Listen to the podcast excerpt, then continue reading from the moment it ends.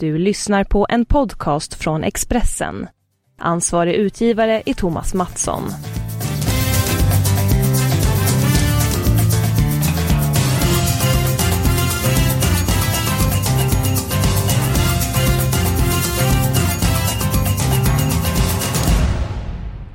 Tjena, varmt eh, välkommen eh, till Expressens podd Avspark med fokus på Stryktipset och eh, fotboll.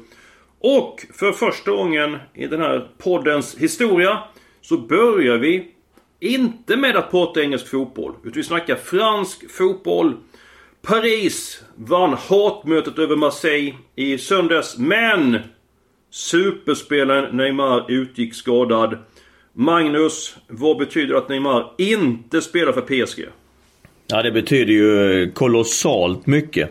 Är ju en av världens absolut bästa spelare just nu så att det betyder enormt. En spelare som gör mål, assist. Eh, ja, ett eh, superavbräck.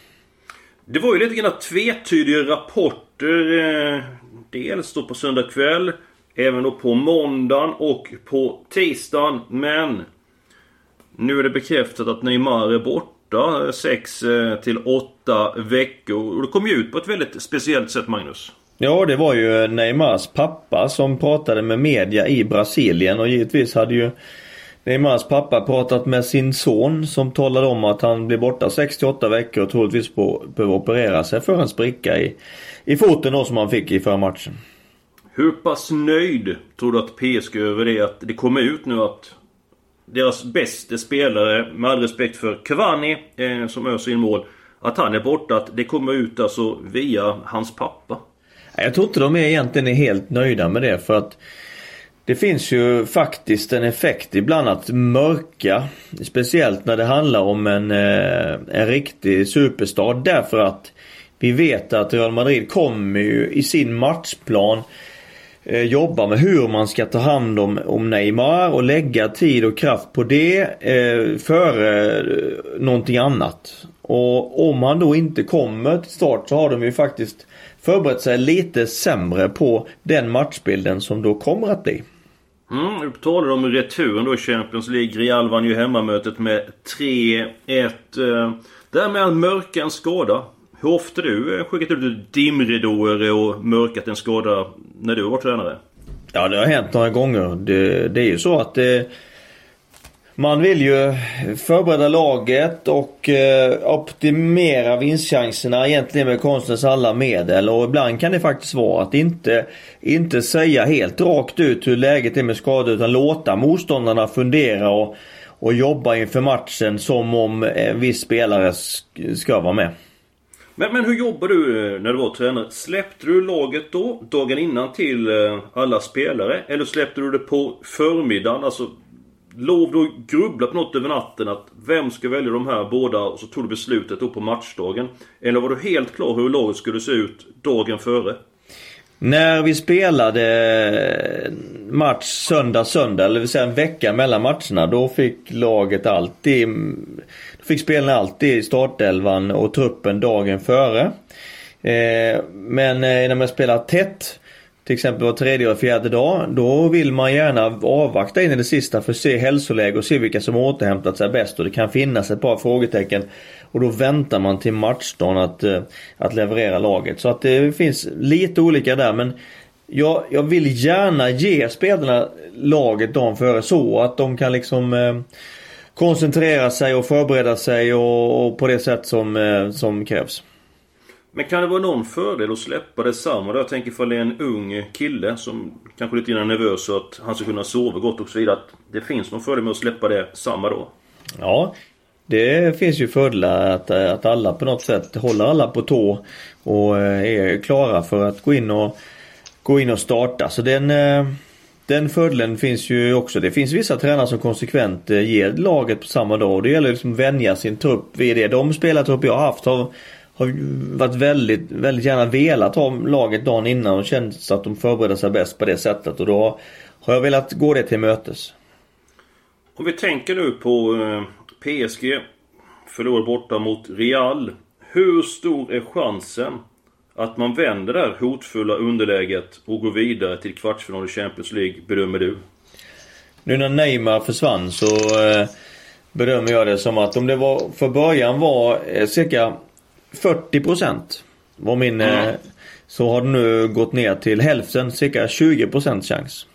Mm, mm. Ja, jag håller med dig. Det är klar fördel Real Madrid i den matchen. Hur stora tror du chansen är att Newcastle slår Liverpool i match nummer ett på tipset? Ja, de är eh, klart mindre än de 20 procenten som vi nu tillmäter PSG att slå Real Madrid. Så att eh, 10 procent. Ja. Eh, Liverpool är självklart spik för mig. Match nummer ett möter Newcastle som visserligen är i bra form. Men New, eh, Liverpool hemma det är ju en maktfaktor. Öser in mål. Jag tar även på Leicester match nummer två mot Bournemouth. Eh, Leicester hade otur mot Stoke, hade ett par bollar i stolpen. Borde absolut vunnit den matchen. Jag lämnar ettan ensam där. Det är även jackpot på Stryktipset den här veckan. Match nummer 5, Tottenham, Huddersfield. Lämnar också ettan ensam. Och Tottenham, de avgjorde sent mot Crystal Palace. Och vem var det som gjorde målet? Ja, det var givetvis Harry Kane. I 89 minuten så så nickade han in eh, det avgörande målet mot Crystal Palace. Ja, det var hans 24 eh, fullträff för säsongen. Alltid svårt att jämföra spelare med olika ligor och sånt där. Men om du hade varit tränare i ett lag, du skulle få välja mellan Neymar och Harry Kane. Nu har de inte samma position, men du skulle få välja en spelare och ta ut laget. Vem hade du valt då? Ja, jag väljer Harry Kane. För att?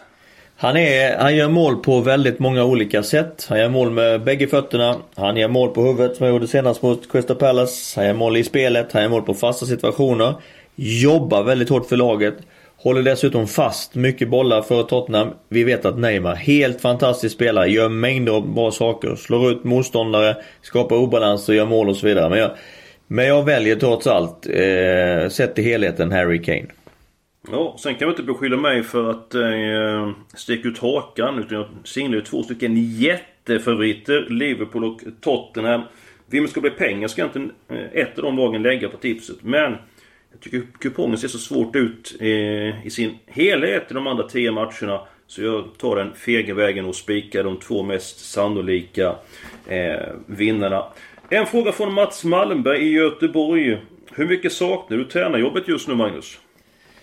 Jo, jag eh, har fått eh, massor av energi av att eh, varit eh, lite mer ledig, umgås mycket med min familj, förkovrat mig en hel del, sett mycket matcher, besökt eh, klubbar. Och eh, suget har egentligen bara ökat för varje dag som har gått så att jag känner mig riktigt, riktigt sugen att, eh, att ge mig in i hetluften eh, igen. Ja, och du jämför den känslan med 4-5 år sedan. Är du lika laddad? Eller är det så att den här perioden du fått vara ledig lite grann, fått lite distans till att du gjort dig ännu mer sugen på att ta ett tränarjobb? Ja, det känns så nu i alla fall. Jag känner mig ruskigt laddad och sugen att gå in i, gå in i ett nytt jobb och, och ehm, så att jag tror att den här, eh, den här eh, vilan, ledigheten har varit, har varit väldigt bra för mig. Bra, då glöm inte att tala om det när något nytt tränarjobb på gång. För du avslöjar det i den här eh, podden. Det ser jag och många andra eh, fram emot. Nu är det dags för eh, helgarderingarna. Match nummer 11, Derby mot Fulham. Jag tar alla tecken den här matchen. Såväl Derby som Fulham har ju imponerat stort de senaste matcherna. Radat upp starka, rejäla insatser. Jag har svårt att ta ställning här, det får bli alla tecken. Match nummer 12, Millwall mot mitt Sunderland. Eh, Sunderlands chanser att ta sig kvar, de är väldigt små. Det krävs 5-6 eh, segrar på de avslutande omgångarna och hittills har det bara blivit 5 triumfer i serien.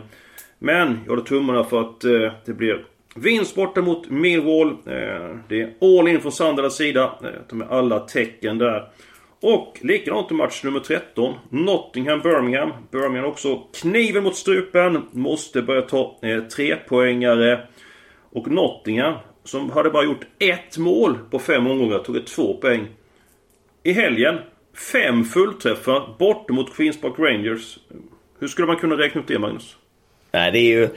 Det är ju inte så lätt. Men eh, som vi har pratat om tidigare så fick de åtta nya spelare i i transferfönstret här som ju stängde i 31 eh, januari och har nu mm. har nu haft en hel månad på sig att eh, jobba ihop den nya gruppen.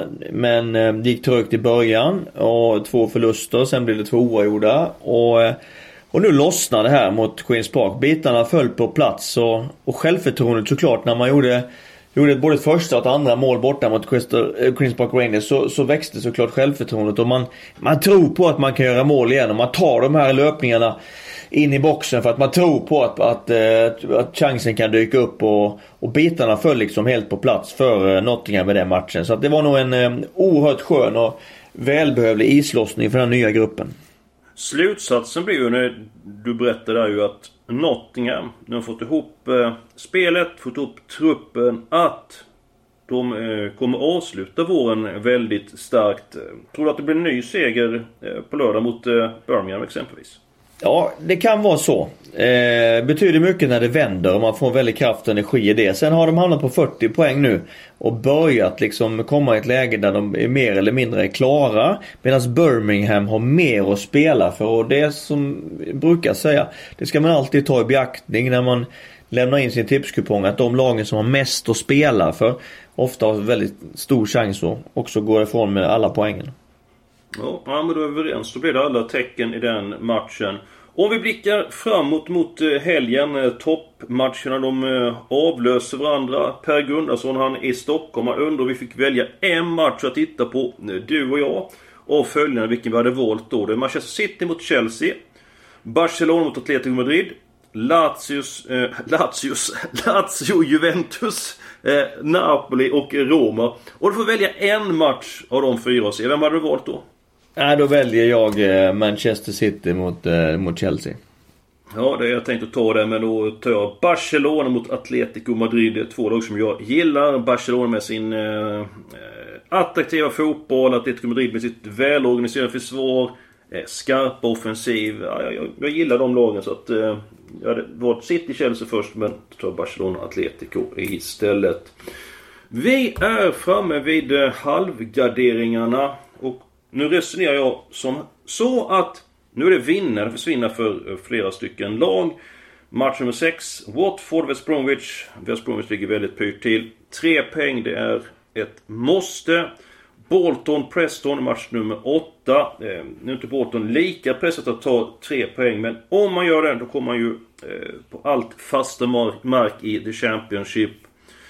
Match nummer tre, Southampton-Stoke. Tog jag ett kryss i den matchen. Southampton har inte råd att eh, förlora. Stoke hade tur mot Leicester. Jag tror man får med sig högst en poäng borta mot Southampton. Vad är det för synpunkter på de här matcherna? Jo, jag har en, en fundering runt eh, match nummer tre där, Southampton-Stoke. Jag... Eh, mm. Jag tycker att man bör ta, eh, bara ta ettan där. Därför att... Eh, För att? Jo, vi, Southampton är i ett läge där man eh, helt enkelt måste vinna. För att efter den här omgången, då är det nio omgångar kvar. Southampton har endast tre matcher utav dem på hemmaplan och givetvis då mm. sex på bortaplan. Och man har varit mycket svag på på bortaplan i år endast två segrar. Det är man väl medveten om. Så att det finns liksom inget att välja på om de ska börja detta. Då är det, då är det tre poäng hemma mot Stoke som gäller. Mm, ja, och ni som kan lämna in era tips sent. Kolla ifall Charles Austin spelar för Southampton. Kolla ifall Shane Long spelar för Southampton. För då är offensiven eh, förstärkt.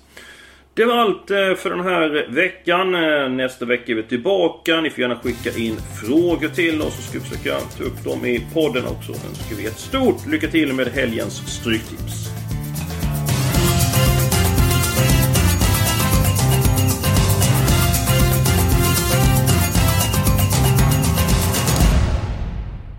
Du har lyssnat på en podcast från Expressen. Ansvarig utgivare är Thomas Mattsson. Ett poddtips från Podplay. I podden Något Kaiko garanterar östgötarna Brutti och jag, Davva, dig en stor dos skratt. Där följer jag pladask för köttätandet igen. Man är lite som en jävla vampyr. Man har fått lite blodsmak och då måste man ha mer. Udda spaningar, fängslande anekdoter och en och annan arg rant. Jag måste ha mitt kaffe på morgonen för annars är jag ingen trevlig människa. Då är du ingen trevlig människa, punkt. Något Kaiko, hör du på Podplay. Därför är gardinerna.